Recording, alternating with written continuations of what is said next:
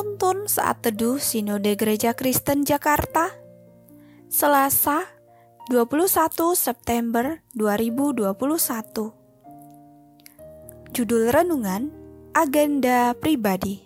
Nats Alkitab terambil di dalam kitab Kisah Para Rasul pasal 8 ayat 9 sampai 25 Seorang yang bernama Simon telah sejak dahulu melakukan sihir di kota itu dan mentakjubkan rakyat Samaria, serta berlagak seolah-olah ia seorang yang sangat penting. Semua orang, besar kecil, mengikuti dia dan berkata, "Orang ini adalah kuasa Allah yang terkenal sebagai kuasa besar." Dan mereka mengikutinya karena sudah lama ia mentakjubkan mereka oleh perbuatan sihirnya.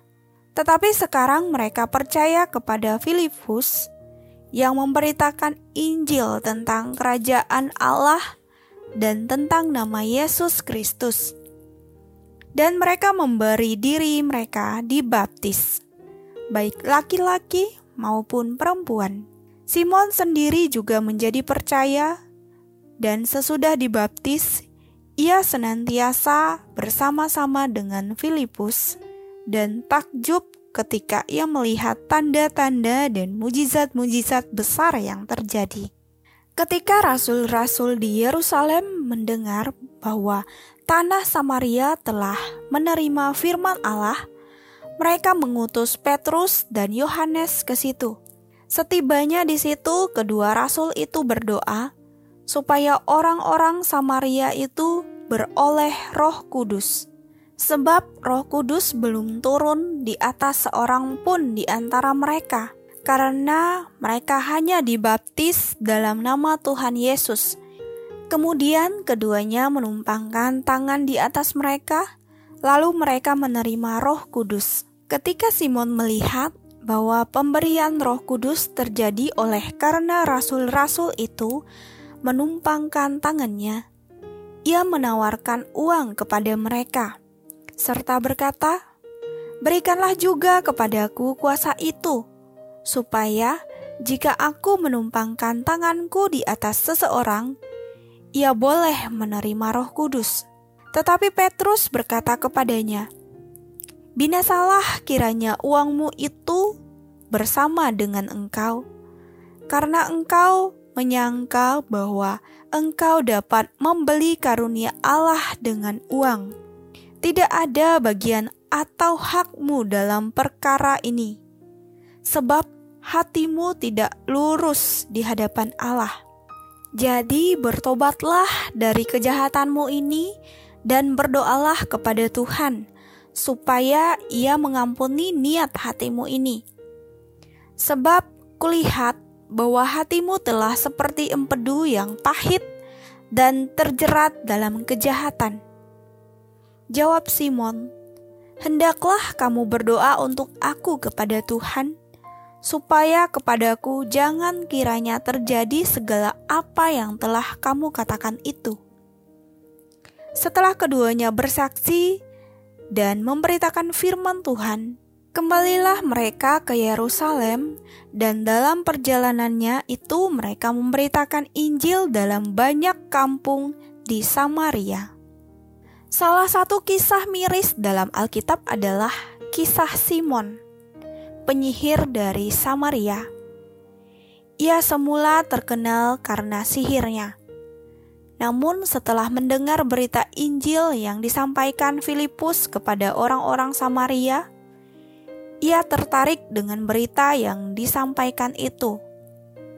Dia menjadi percaya dan dibaptis. Ayat 13. Kemudian rasul-rasul di Yerusalem mengutus Petrus dan Yohanes untuk memperkenalkan karunia roh Allah kepada orang-orang Samaria itu. Orang-orang Samaria itu belum beroleh kebenaran akan kuasa Roh Kudus karena baptisan hanya memperkenalkan nama Yesus Kristus. Ayat 15. Setelah melihat kuasa Allah yang dinyatakan oleh para rasul, Simon sangat takjub. Simon berpikir dengan uang yang dimilikinya, ia dapat menerima kuasa Roh Kudus. Petrus dengan keras menyatakan, "Binasalah kiranya uangmu itu bersama dengan engkau, karena engkau menyangka bahwa engkau dapat membeli karunia Allah dengan uang." Ayat 20. Simon ternyata masih menyimpan agenda pribadi dengan hati yang tidak lurus kepada Allah. Ayat 21. Simon ingin memperoleh kuasa itu untuk menjadi terkenal sama seperti dirinya pada waktu sebelum percaya dan menerima baptisan.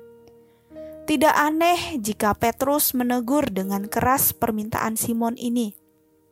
Motivasinya untuk menyatakan kuasa Allah didasarkan oleh uang dan memanfaatkan itu untuk mendemonstrasikan kehebatannya. Sikap hati dalam memberitakan Injil adalah hal yang penting.